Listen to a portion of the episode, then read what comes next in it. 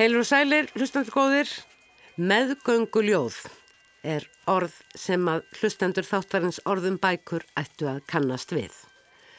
Meðgönguljóð er jú útgáfuserja, ljóðabókaserja sem nú inniheldur 33 ljóðabækur sem hafa komið út á undangengnum 7 árun og nú hefur þessi útgáfa runnið sitt skeið. Að því tilefni er þátturinn orðum bækur að þessu sinni helgaður meðgönguljóðum og sögu þeirra.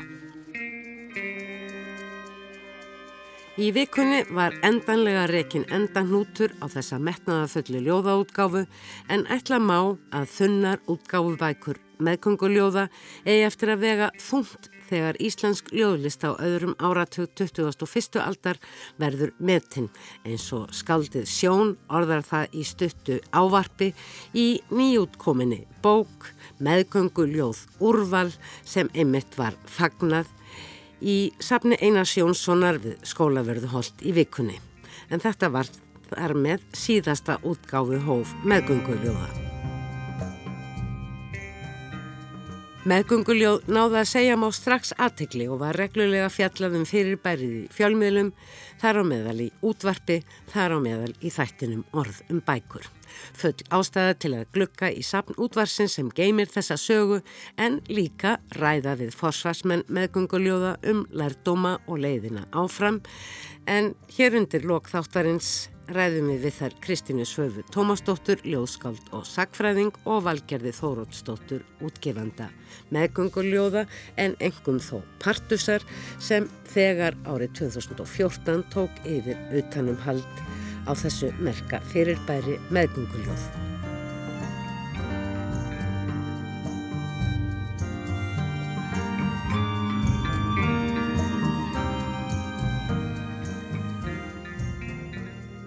Ný ljóðabókaserja meðgönguljóð og fyrsta bókin í þessari serju nefnist Þungir fósettar. Það sé sko handunnar eh, bækur, þetta eru heimasauðmuð eintök.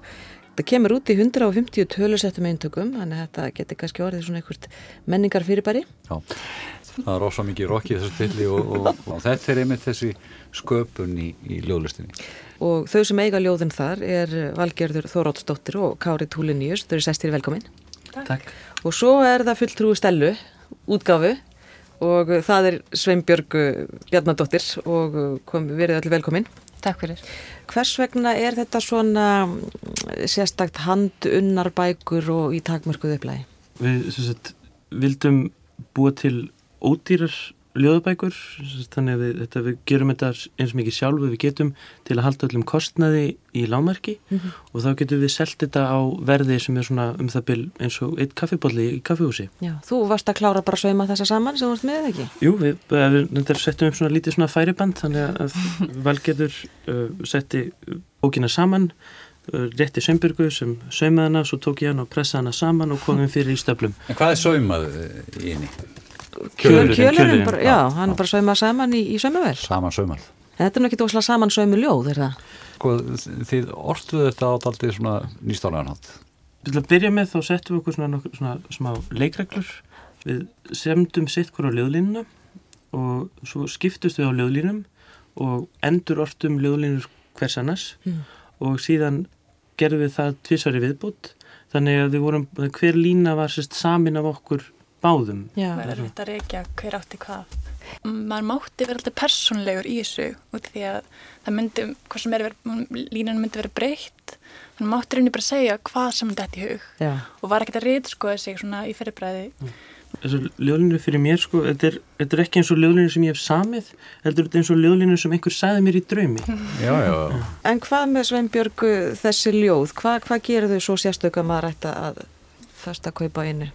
Einu eintaki. Já, hérna, þau eru náttúrulega bara Þú ert að, ge að gefa þau út, sko. Já. Já, náttúrulega út af því að við erum með tvei hérna, frábærljófskáld, þess vegna er þau náttúrulega fallið, en svo líka er þetta ferðli einhvern veginn, það er eitthvað svo frjótt, sko, þannig að það er svo, eins og Kári segir að það minnur svolítið eins og eitthvað úr draumi, sko. En fjallaðu um eitthvað sérstaklega? Eins og Kári var að segja þá, það er þetta einhvern veginn eins og úr draumi, maður veit ekki hver og hvað, hvaðan orðin koma, mm Þannig ég held að bara, já, hvert getur sem ég les bókina kemur um mér óvert. Komdu nú með eitthvað úr, úr, úr bókinni, úr þungum fórsetum. Skornir ávextir Snjórin saldrast yfir svalirnar eins og sigur á bökunarpappir. Brúnaðar eplaskýfur og kaldir eirnasneplar. Blóðhitti flæðir úr opninum. Nó. Na, já. Þetta er frekt með fórseta að gera. eða eitthvað. Nei, en það er uh, eitt ljóð sem Það heitir, er eitt mjög pólitíst. já, sem heitir reynilega bara stjórnmál. Það heitir bara stjórnmál. Já. Megum við heyra það? Sál mín er pungur, nött átt skeppna, skurkur með rós í nappagatinu, rjóð af dansi, rasandi ofan í kulnandi alheiminn. Í slefgripum öfundar smölumst við í hásætið, vælandi eftir mjölk, að meðan geðjurnar þræða strengi millir bráðnandi næturstjarna. Í sveitti hlutkersti riðlast smákongar, kaldir að morgni með lúkurnar berar. Þingheimurinn snýst í kringum Venus. Lauslæti sjálfstæðra manna rýður óbeislað í gegnum bálreiða álfuru. Jóhanna Sigurðardóttir smalar auðmygtina með augskugga og maskara. Við fæðumst í samkend. Já, það brotur í þessu. Já, Þessi seria af bókum, hvernig er hún hugsuð meðgangur ljóðin? Þetta er náttúrulega eins og Kári sagði áðan þá erum við að reyna að koma ljóðum til fólksins með því að hafa ódýrar en fallega ljóðabækur. Það vona næstu bók með haustinu en annars er þetta svona, við ákvæmum það eiginlega mjög snemma að hafa ekkert svona neina, neitt svona ákveðið millibil og milli bókana. Þetta var sem sagt á Rás 2 þann 29. mæ árið 2012 Hallgrímur Tostensson og Linda Blöndal en sex árum og 11 mánuðum síðar var þetta upphaf orðið að endalokum og glæstum ferli meðgönguljóða fagnað í listasafni Einars Jónssonar þann annan mæ síðastliðin í fullum sal af listaverkum Einars og fólki sem samglattist en kannski líka var hreikt í huga yfir því að þessu tímaskeiði skildi þið megi lokið. gætna koma aðeins nær, það er fullt af plássi hérna framalega, það eru meira sér tveir stólar hérna, nóga plássi, líka einn stóll þarna ef einhver vil sitja þarna. Kristín Svafa Tómasdóttir var kynir kvöldsins og notaði hún spjall sjálfra sín og Þorðar Sæfars Jónssonar úr nýju bókinni með gönguljóð Úrval 2012 til 2018 til að kynna skáldin sem nú stiga á stokk hvert á fætur öðru. Uh, Fyrsta bókin sem að verður lesið upp úr er Þungir forsetar eftir Valgerði Þórustóttur og Kára Túlinju sem var fyrsta bókin sem kom út í seríunni. Þungir forsetar, bókin sem þetta hófst allt saman með. Þegar meðgönguljóðaserían lauk göngu sinni var ég fenginn til að skrifa grein um útgáfuna í tímaritt Máls og menningar fyrsta hefti ársins 2019. Ég valdi línu úr þungum forsetum sem yfirskrift greinarinnar Þeir som högfk lengst vorðgtt fromst í rðni. Mér fannst það svo skemmtilega steikt eins og bókin öll. Hversu frábært er að serían eins og hún leggur sig hafi byrjað á línunni Sál mínu pungur. Þungi forsetar er tölvert ólík meðgönguljóðabókunum sem Valgerður og Kári gafu síðar út hvort í sínu lægi. Þó er Kári líka á tilraunakendum slóðum í brotætt frumeind. Hefur þið tekið eftir því að bæði hún og þungi forsetar enda á yfirlýsingu. Og Þórður svarar, það er ótrúlega mikið rock og roll að ljúka leik með yfirlýsingu. Ljóðabækur ættu alltaf að enda með trukki og dífu og látum. Vala og Kári, gerðu svo vel.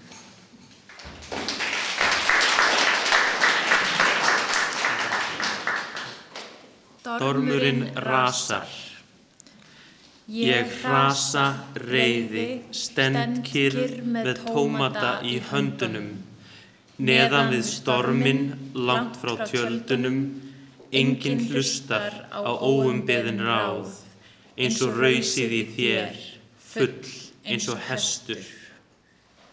Mig dreymdi um þrýsna tinda á frönskum skíðahól. Hugurinn fjall, smjörskán í kakóbolla. Þangað sem hann átti ekki að fara. Hnífurinn var reyður hrútur. Önugur eftir vetrarlanga innilókun. Íðandi eins og nýslitið par á almannafæri. Sárið brann, súrefni sambands eldsins og spýtunar.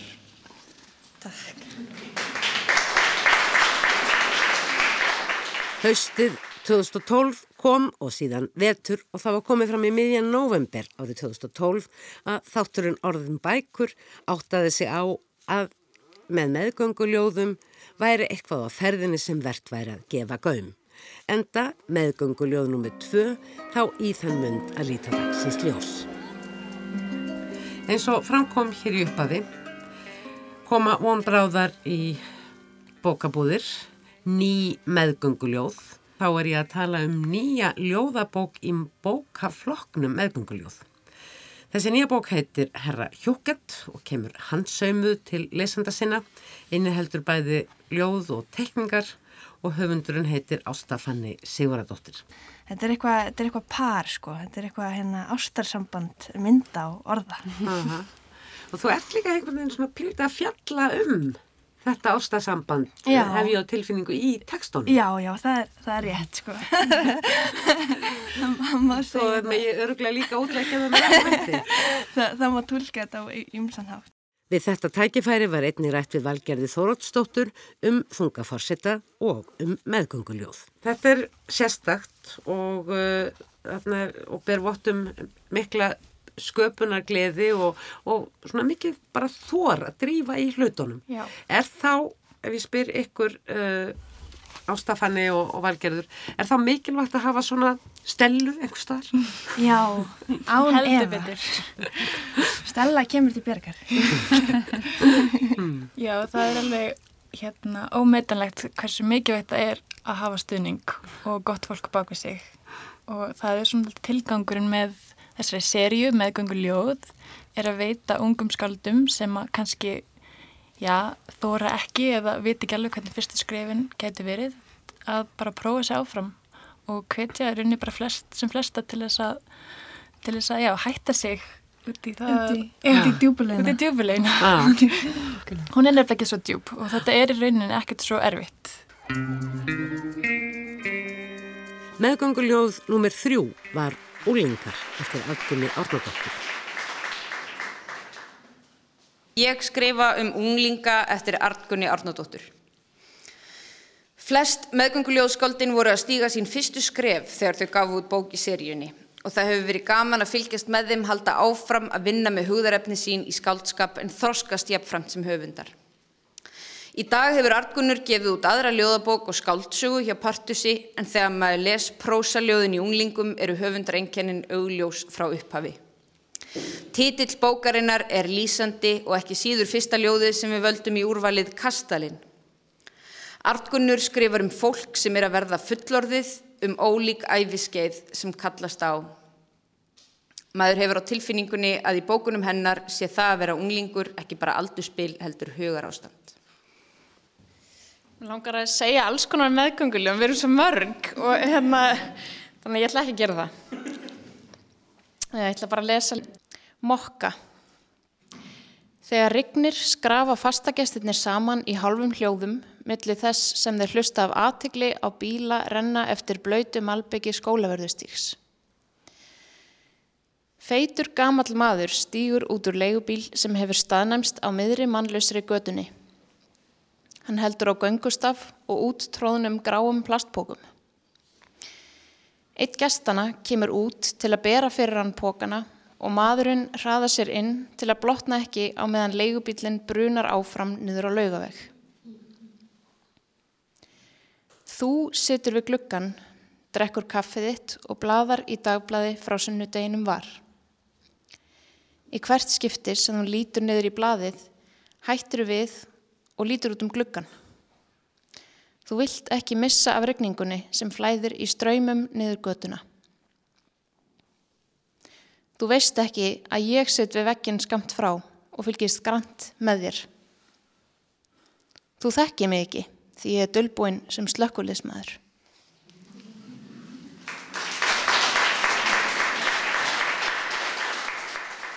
Árið 2013 rann sitt skeið og Sveinbjörg Bjarnadóttir snýri sér að öðru og bókaútgáðan Stella var þar með ekki lengur til að styðja sig við.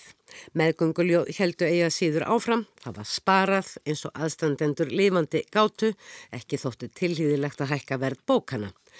Þau náðu hagstæðum samningum um prentun við Jóhann Torfason, hættu að sauma bækurna saman í vél og tóku til við að handsauma. Það gatt verið erfitt. Kári Túliníus mann það vel. Það var orðið þannig sko við þurftum að svona fá einhverja svona 20-30 vini sko með okkur til að vera sauma. Það var orðið svo stór upplög og fólk stakk sig á nálunum og blætti við bækurnar og svona. Þannig að það var eiginlega svona, við, við komum svona upp að svona endamörkum þess sem hægt var að gera með þeirri aðferð. Það var doldið blóðugt svona í lúkinn. Er eftir sjá á þessu kvöldi? Dálítið, þetta er, þetta er dálítið, þetta er ekki, ég segi ekki, þetta er ekki alveg erfiðdrykja, nei, þetta er svona kveðjuhóf að þú veist það er einhver sem er að flytja til útlanda og bara kannski langt, í burtu. Þetta er svona, þetta er gleðilegt en tregablandið. Mm. Það er svona margt sem við, við svona tókum, það sem kannski held ég er, er það sem gefur okkur mesta sérstöði er að við höfum svo mikla rítstjórn í þessu og svona vorum að kynna ungskáld fyrir eldri skáldum sem voru að vinna með þeim og fá svona leiðsögn og einhvers konar kynningu inn í bókmyndaheimin á svona vinsamlegum forsendum. Og tengja sig inn í. Og tengja sig. Mm. og það er kannski það sem var er svona sérstakast við þetta hjá okkur. En það er náttúrulega svona lítla ljóðbækur eru gefnar út út um allan heim Getur þið fest hönd á einhverju sameilu? Nú er þetta tæp 8 ár, eða 8. ár sem þessa bækur hafa verið að koma út. Þetta eru reyndar höfundar á mismunandi aldri en fæstir hafa gefið út áður. Flestir hafa verið með þetta í skófum sínum og er að koma beint inn í landslæðið eins og það er núna. Sér þið einhvern þráð? Ég sé þráðin hann er mjög svona gísinn og, og stundum þá svona grefstar undir sandi en það er, ég myndi segja að það er að flest skáldin eru svona í einhvers konar formleit og finna sig kannski eitthvað svona form sem þau eru að vinna innan að vinna með, það getur verið eitthvað svona doldið mjög óljóst mm. en það eru nokkrar bækur sem eru mjög svona bara frjálsar svona eins og við, svona er kannski bara var, var íðurlega allar liðabækur á, á síður hlutu 20. aldar en það er einhver svona formþrá en það er mismöndi samt, það er mismöndi sínilegt eftir bókum. Og þetta eru tilvistalega ljóð, þetta eru ljóð um náttúruna þetta eru kannski, jú það eru líka ástarljóð. Jú, og ljóð bara um að vera á um djamminu ljóð, ljóð, vera, ljóð um ljóði, ljóð að vera á djamminu ljóð um að vera í útilegu bara þú veist það eru, það eru ótrúlega margir svona mismunandi fletir yrkisefni og bara það eru óbúslega mikil breytt í, í því hvaða sjónarhórn þessi skáld tóku sér. Fannst þú fyrir mikil þörf fyrir þessa útgáfu á svona litlum bókum fyrir verðandi skáld eða ný skáld að geta losa sig við eitthvað áður en svona kannski endanlega stellingar eru ákvæðaðar? Já, mér fannst það alveg klárlega þegar við alltaf vorum að fara á stað að þá fannst mér vera að það er nýhil hrínur hérna þessum tíma sko og það er, það er einhver svona það verður svona, svona ljóðahrun svona kannski svona tveimur árum eftir, eftir fjármálarhrunnið þar sem það er bara búið að lítið að gerast það er ekkert svona svið fyrir skáldin að standa á og þá vildum við akkurat setja saman svona einhvern svona litla einingu sem var hægt að setja rosalega svona mikla vinnu í svona per orð í rauninni, þú veist, og það væri eitthvað sem væri hægt að gera samt í svona sjálfbóðvinnu mm. en svo svona ógsetta og ógsetta og þið voru náttúrulega að læra á þessum tíma líka. Já, já, fyrsta árið eru tvær bækur og svo svona ógsetta alltaf og svo síðast árið þá voru það átta. Þannig að þú veist, sem var, var doldið mikið. Mm. og það var alltaf gaman, veist, það var stundu þá var maður svona við að brenna út sko en það var alltaf, veist, alltaf góður andi þú veist, Valgerður Kristín Saf og Þorður sem voru fólki sem var í, í rítnæmt það var bara alltaf, var alltaf góður andi hjá okkur alltaf auðvelt fyrir okkur að tala saman alltaf gaman hjá okkur það, gat, það var alltaf, það var aldrei erfitt að halda áfram en við vorum líka alveg rosalega tilbúin að hætta og líka mm. núna þá er svo mikið að gerast og svo margt frábær svona flóra af af útgáfu þannig að, okkur fannst þetta að vera svona góður tími til að okkur að nýta enda hnutin. Takk fyrir Kári Túningins. Takk fyrir sömu leiðis.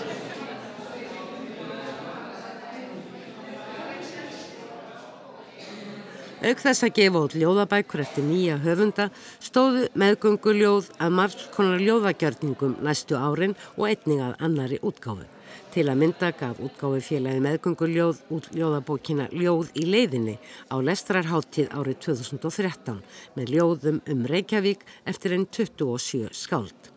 Um miðjan mars árið 2014 stóðu meðgönguljóð og fríirkjan sameinlega fyrir ljóðaslammi á sviði Lofthostel og sömarið 2014 var svo haldinn ljóðaháttíð undir yfirskriftinni Konur á Istu Nöf þar sem norrannar skaldkonur af jöðurum Norðurlandana, það er frá Grænlandi, Færiðum og Finnlandi auk Íslands, komu fram og nú var það Kvenréttindafélag Íslands sem var samstarfsaðili og auðvitað var gefin út samnæmt bók með ljóðum eftir skaldin sem komu fram og auðvitað íslenskar þýðingar þar sem það átti við.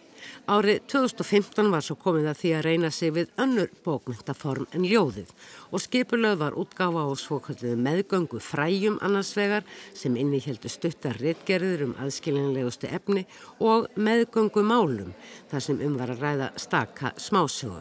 Hvoru þessara hugmynda gekku upp sem viðskipta hugmynd þótt útlitt hvors fyrir sig væri mjög skemmtilegt og frumlegt. Svo er það ljóðabíó sem meðgönguljóð stóðu fyrir um hásumar árið 2015. Valgerið Þórótsdóttir var fyrir svörum í þættinum viðsjá um eðli þess fyrirbæris. Þetta eru svona stiklur af uh, ljóðum sem við hefum gefið út í ýmsum bókum yfir árin og uh, verður já, eins og segi bara svona frumsýning á þess, þessum myndböndum sem við svo vonast til þess að dreifa á netið og um, þetta er svona hluti bæði af einhverju tilraun til þess að setja ljóði í eitthvað samingi sem maður er ekki vanur að sjá það í og blanda kannski ljóðlistinni við önnur listform og svo líka er þetta bara svona, já, svolítið sniður leið til þess að geta dreift ljóðum svolítið auðvöldlega þá á netinu. Mér er alltaf langa svona til að finna leiði til þess að sína hvað ljóðið er aðlaðandi og maður er kannski vanur því að upplifa ljóðalestur bara við sömu aðstæðunar þar að segja kannski á einhverju, já, kaffjúsi eða bara svona standard upplestur og maður kemst svolítið svona nær ljóðinu kannski ef maður er eh, að horfa á myndband og getur kannski þá verið einn og það er alveg svakalega mikil innbytting sem maður fær þegar maður er að horfa á fyrst einna tvekja mínuna myndband af bara skaldi horfa í augun á manni og bara lesa upp ljóð fyrir mann.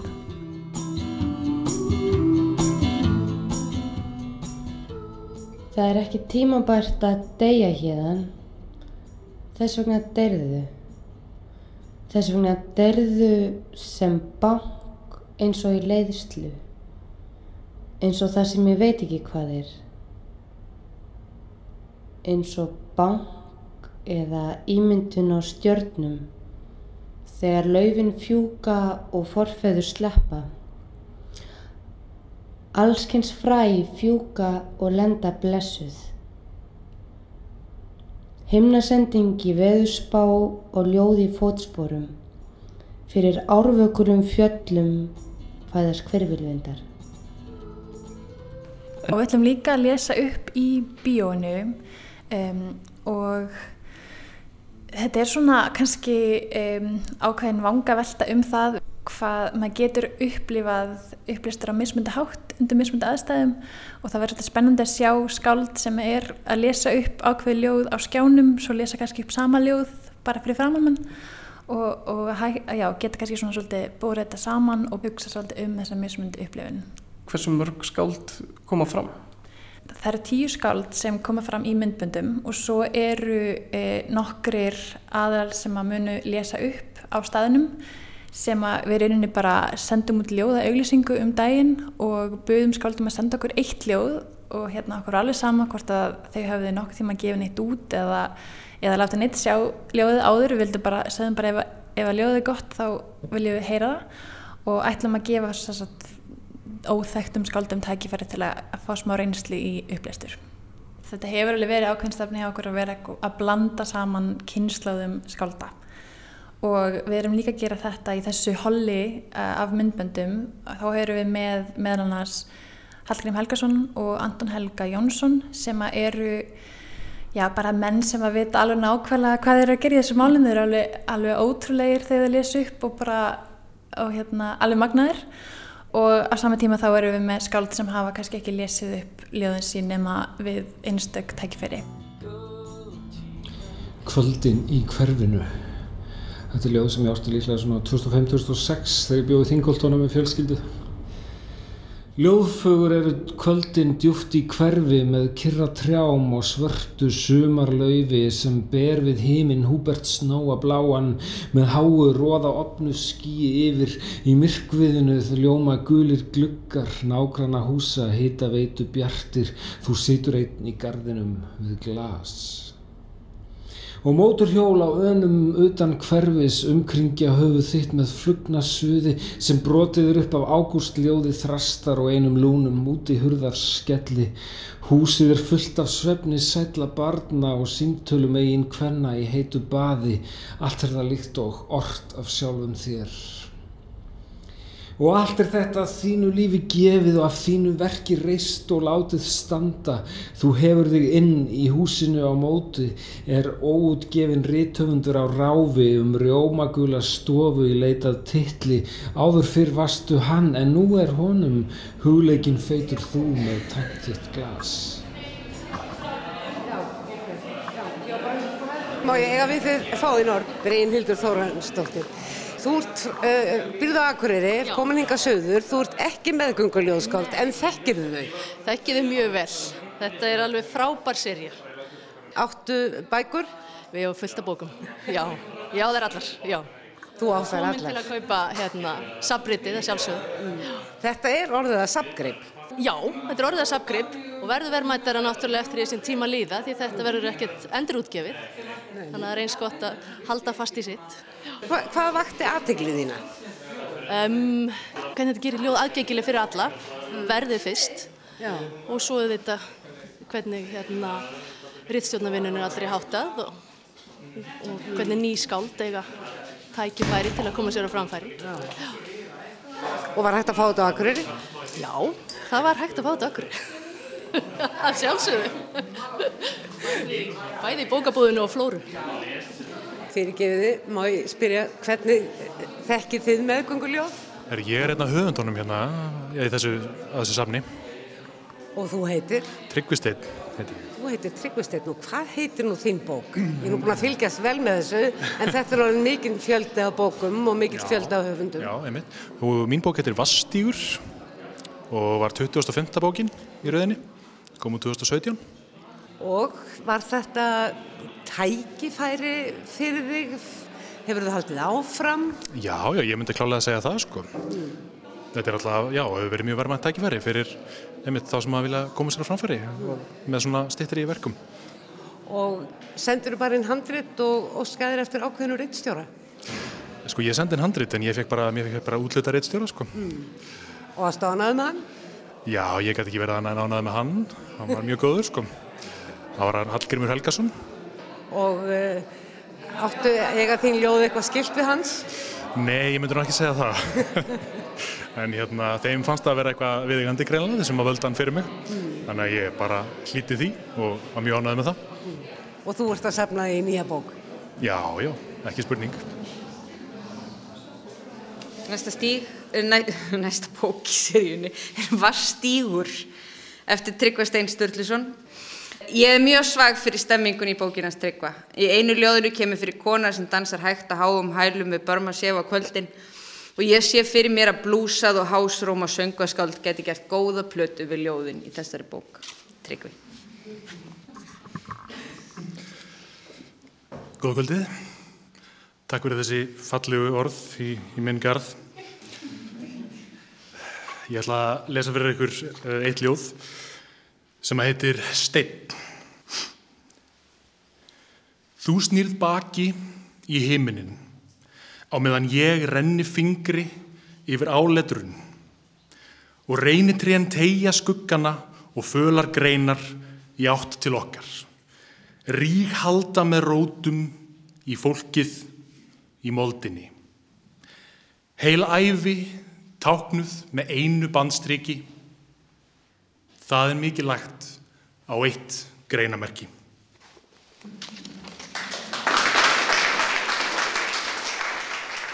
Nú er þær hingað komnar Valgerður Þórótsdóttir, stopnandi meðgönguljóða og uh, skipuleggjandi alls.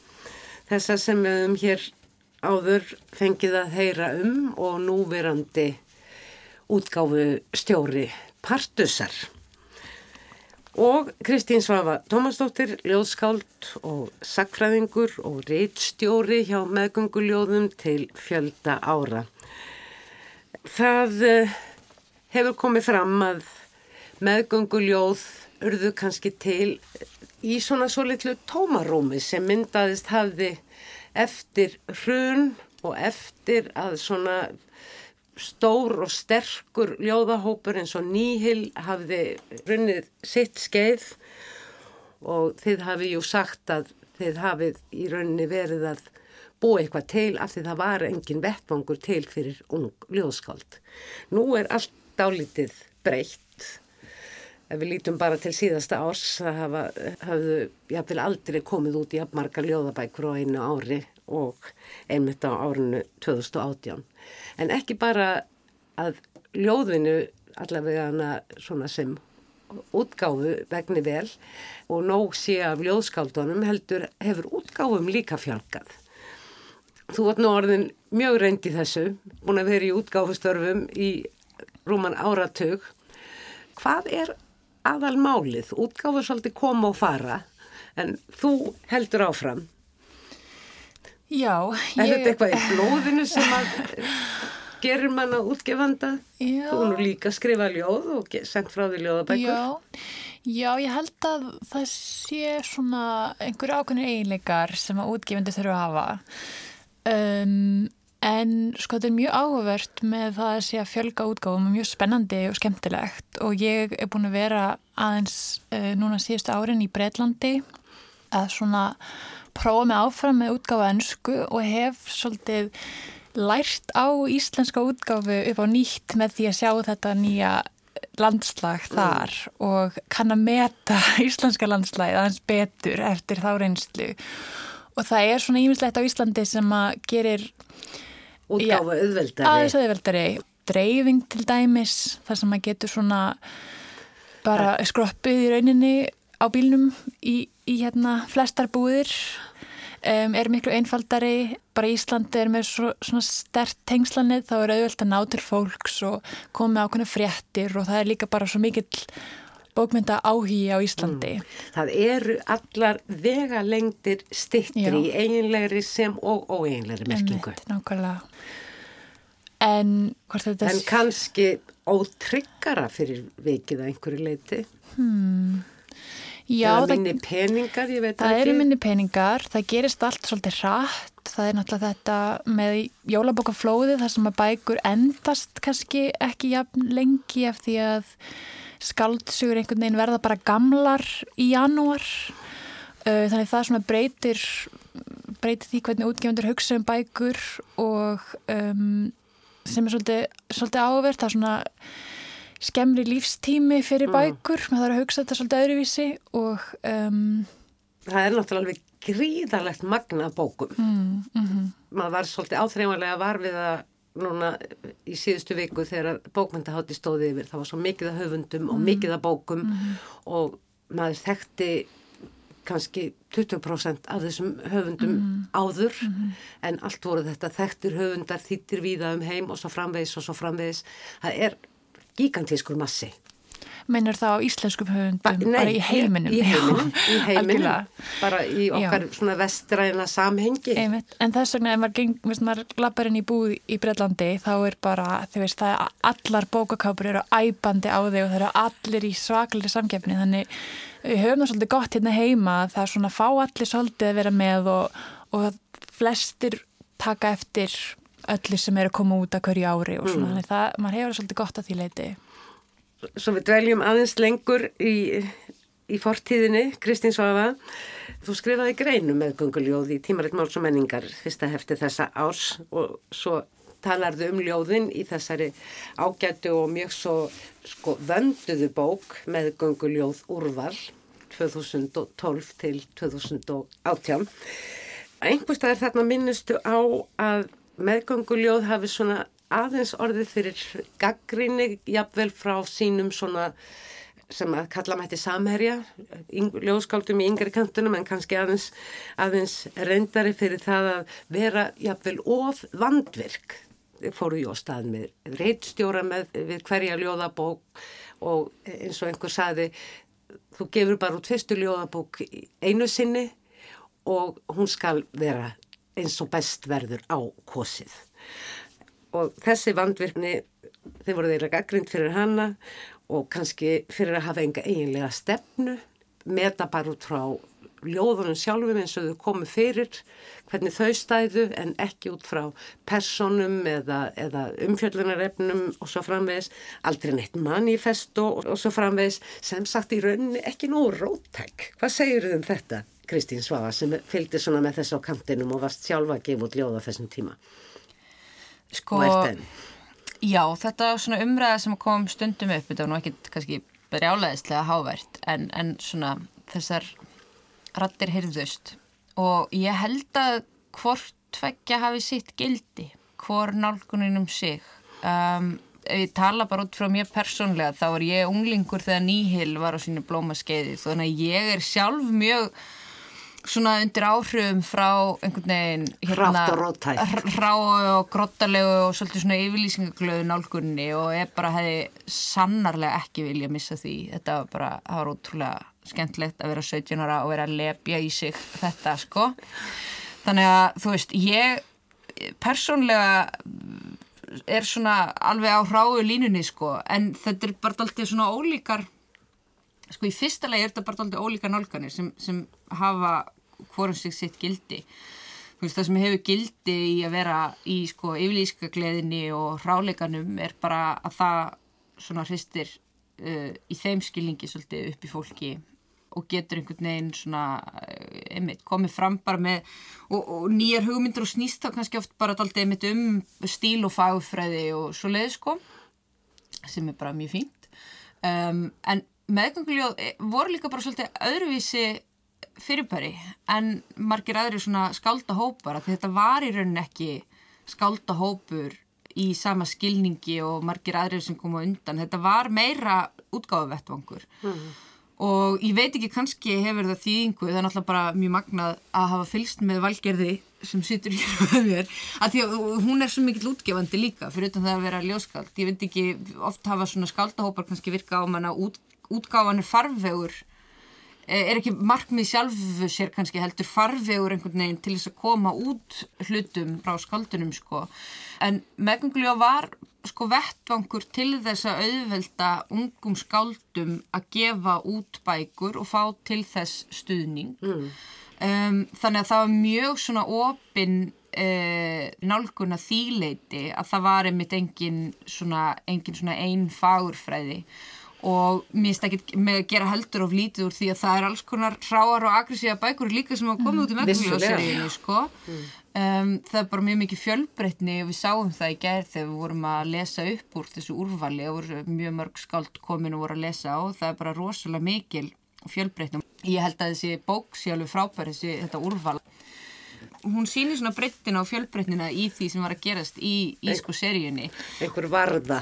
Já og sko við sem, að vorum að reittstýra vorum að taka við bókum reyndum að mæta handreitunum, reyndum að mæta skaldunum þar sem þau voru. Uh, það er bara eina aðferð til að gera það og bara til þess að skjóta því að í lokin að sko fyrir utan það ég held að þetta séu bara uh, ólíka nálganir sem hafa hvorum sig sinn kost þá eins og ég er að rekja í þessar grein sem skrifaði í tímaritið Sko það er líka róttækni í falin í sko hinninálgunni mm. því að þessi, þessi opnar álgun verður uh, hefur tilningu til að held ég til að verða inklúsívari, þú veist, hún er opnar á einhvern hátt og, og til dæmis staðrind að það var bara lagt upp með það frá upphafi að konur verða minnstakosti helmingurna þeim sem að gæfi út hjá mögunguljóðum er bara feikilega róttækt í samhengi íslenskar bókmyndasögu og bókmyndalandslags mm -hmm. og það er bara algjörlega fáránlegt að það hafi ekki gerst fyrir nárið 2012 og það er bara, já, ég meina það er bara mjög mikil róttekni í því.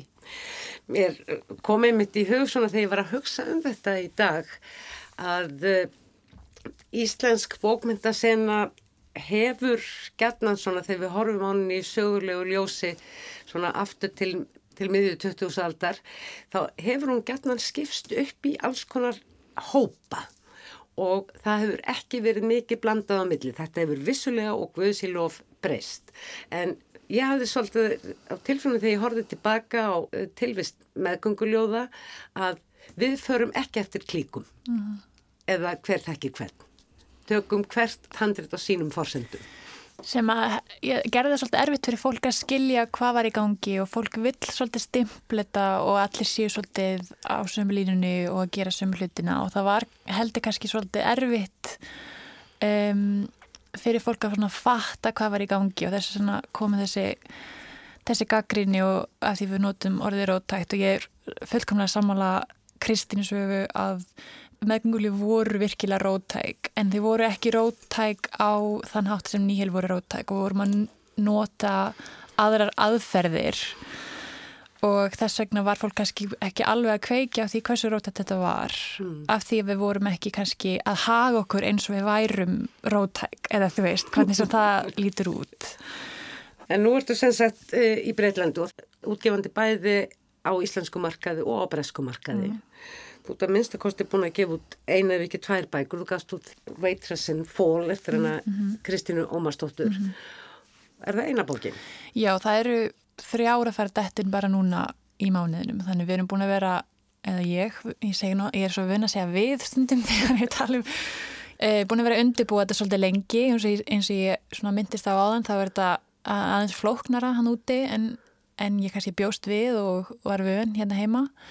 Ég er alveg upp í bandaríkunum og á ennskunar svolítið að móðmáli líka og það henda mér rosa vel að vera að vinna á milli þessar tungumála og ég þýtti þarna ljóðun Anna Kristínar Ómars. Fyrst fyrir það mjög góða dóma Já, bara það hérna, tókst, tókst mjög vel. Og, en ég samt er alla daga að vinna í bókum á íslensku og vinna í útgáðin hérna heima. Þannig ég, ég verð svolítið hissa þegar fólk segja já, þú er bara all, alltaf í Breitlandi og og ég er samt bara í, í sko haustum að mér alltaf á Íslandi og vinna í útgáðin hérna heima sko, meðgang, Hvað er framöndan?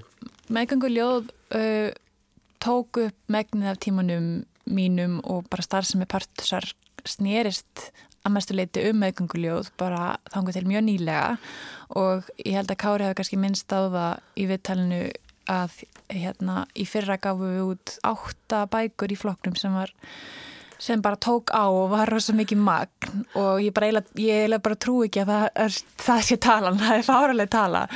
En hérna það er svolítið spennandi að sjá hvað gerist núna því að partis ógs upp úr meðgönguljóðum svolítið og um, mér finnst svolítið áverðt að tala við skáldin á viðbyrjum í gæra því það kom svolítið í ljós að því við erum svolítið erfitt með að einhvern veginn að, að útskýra hvað meðgöngljóð er og við tala um sé vettvangur sem það vissulega var, þetta var svona uh, leið fyrir skáld til þess að nálgast útgáfi af því það var bara engin leið að, að gefa út ljóðabók mm. á þessum tíma, það voru mjög fáir sem voru að gefa út ljóðabók á þessum tíma, sérstaklega ungskáld og ekki nómið það heldur þá það að gefa út sinni fyrstu ljóðabók krefst þess að maður vinnis bara mjög lengi og vel í þeim texta og það hafi ekki allir aðgang að einhverju skálda samfélagi og reytlistin til dæmis upp í háskóla minnir að hún hafi verið stopnud 2011 sama ára við tókum okkar fyrsta funda mm. undirbúið meðinguljóð þannig að þetta var ákveðin skóli líka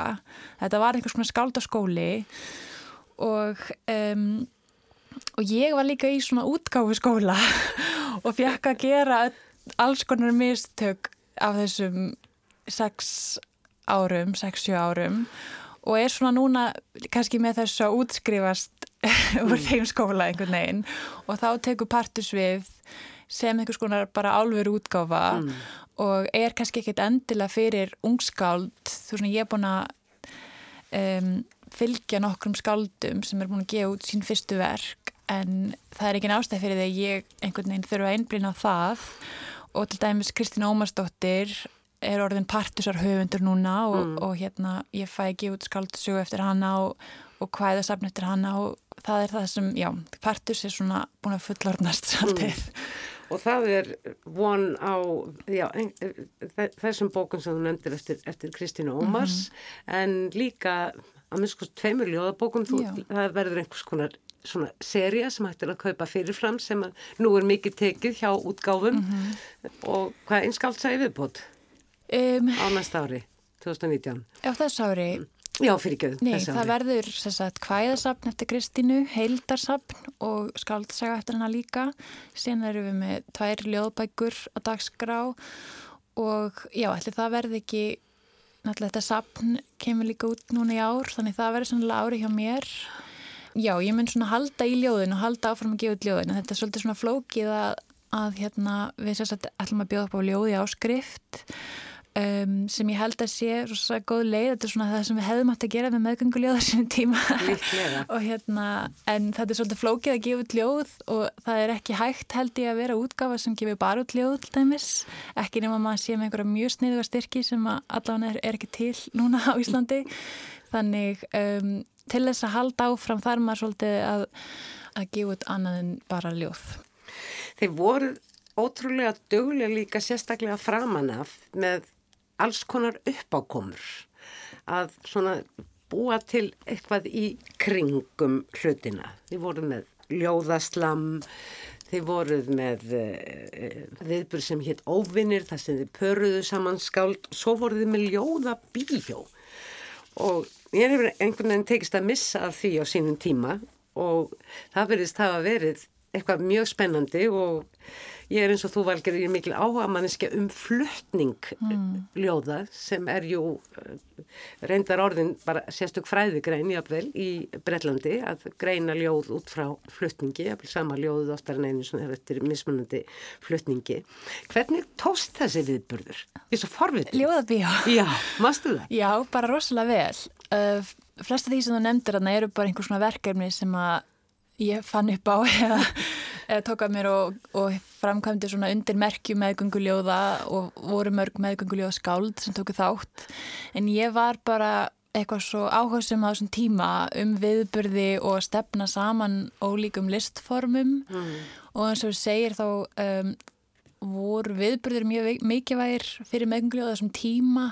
Og við um, sköpum okkur einhvers konar tengslanett og fundum skáld oft svona gegnum viðburði um, og þetta var einhvern veginn bara ég er svona ef ég, var, ef ég var að stopna útgaf í dag þá myndi ég ekki nenni sig sko. þetta var alveg það var svo hasar? metnaður og hasar en við vorum alltaf bara ung og það var kannski bara sjálfsagt að vera alltaf einhvern veginn á barnum að hanga og hitta fólk einhvern veginn Einmitt.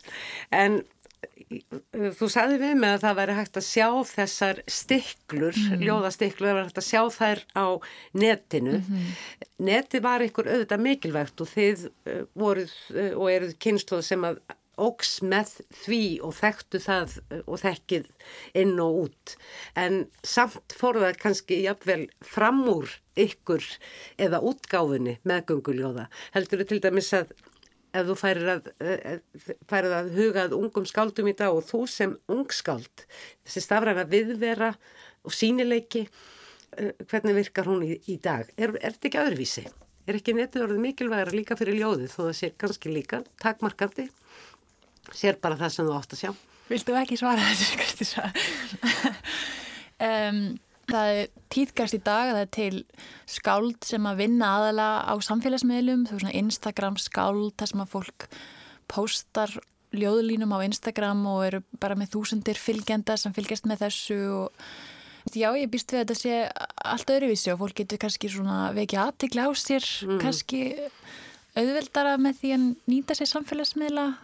En ég veit ekki, ég held að bókin sem það mjög mikilvæg og jafnvel fyrir þessi skáld þá er það mikilvægt að eiga bók, held að Mhm. jafnvel fólk sem er einhvern veginn mikið á netinu finns, finnist það einhvers konar viðkenning að vera gefin út á bók en það er kannski auðveldar að nálgast fólk bæði sem skáld og auðveldar að nálgast skáld með því að, að vera virkir, virkur á netinu Mm. Nú komin út þess, þessi fína dokumentasjón, þessi fína heimild um þessi ár meðgönguljóða. Er ekki líka hægt að finna sláinn upplýsingum á netinu? Það var ekki hægt um tíma uh, um sögum meðgönguljóða. Mm.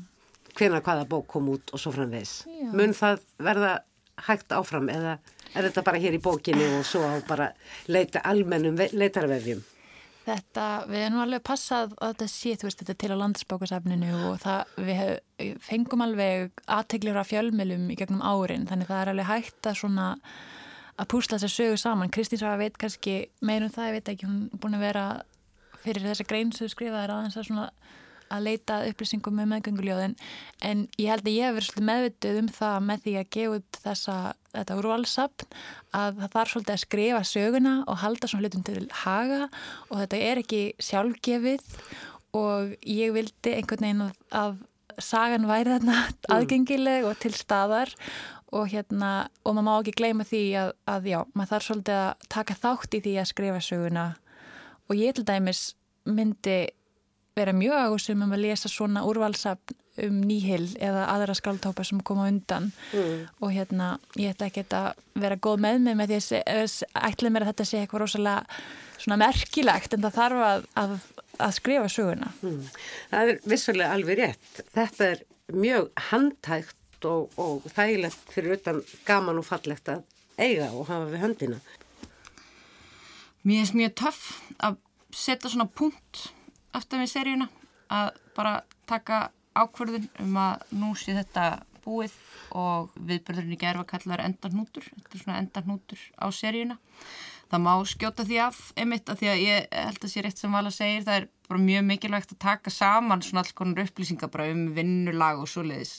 Eitt af því sem ég segi í þessari greinandi tímaritun, ég held að hafa sé bara mjög fínt að hluti renni sitt skeið og nýjar hluti taki við og svoleiðis gengur alltaf. Það sem er leiðilegt er að það glatast þekking sem hefur verið safnað uh, saman oft með miklum harmkvælum einmitt bara uh, út frá alls konar mistökum og, og svona græsróta vinna er svakalega mikil vinna mm -hmm. og fólk verið þreytt og það er bara mjög eðlegt að það er einhvern veginn hætti en það er, það er helst þetta svona Já, það er helst svona þegar glatast einhver svona þekking sem það er kannski pínu leiðilegt það sem hún er svona þú veist, einhvern veginn einstaklingsbundin. Um, þannig að ég held að það sé rosa fínt að hafa einhvern veginn á að taka saman uh, bæði bara, taka saman bækurnar, taka saman svona einhverjar upplýsingar um bara hvað verður að gera og hvað forsendum og svona mm. og, og það má skjóta því að, sagt, að hérna núna eftir útgáð þessara bókar mun ég sjálfskeipaður uh, skjálavörður meðganguljóða fara með lítinn kassa á borgarskjálasafnið þannig að það, maður sér alveg á þessum litla kassa að þetta er hérna, að við lifum á rafarætni öll því að það er náttúrulega flest hérna flest skjöl eru, eru bara í einhverjum tölvupóstum og eitthvað en það er alltaf, það var náttúrulega reyndar líka til svona efnisleg hlið ofta meðgöngu í ljóðunum að því að það var mikið lagt í prentið og, og að sauma bækurnar og svo leiðist þannig að svona efnisleg hlið á útgáðunni mjög skýr en, en hérna svo svona ekki týnir maður saman eh, einhverja, einhverja pappira líka þannig að það er verið að reyna að halda hlutunum til að haga. En þarna er ákveðin punktur í sambandi við netið mikilvægi þess sem uh, samkómustadar, sem uh, fundarstadar, allskins efnis. Uh, þarna er svona ein mínus hliðin á þessum stað að þar eru svartól. Mm. En við höfum meðgönguljóð úrval.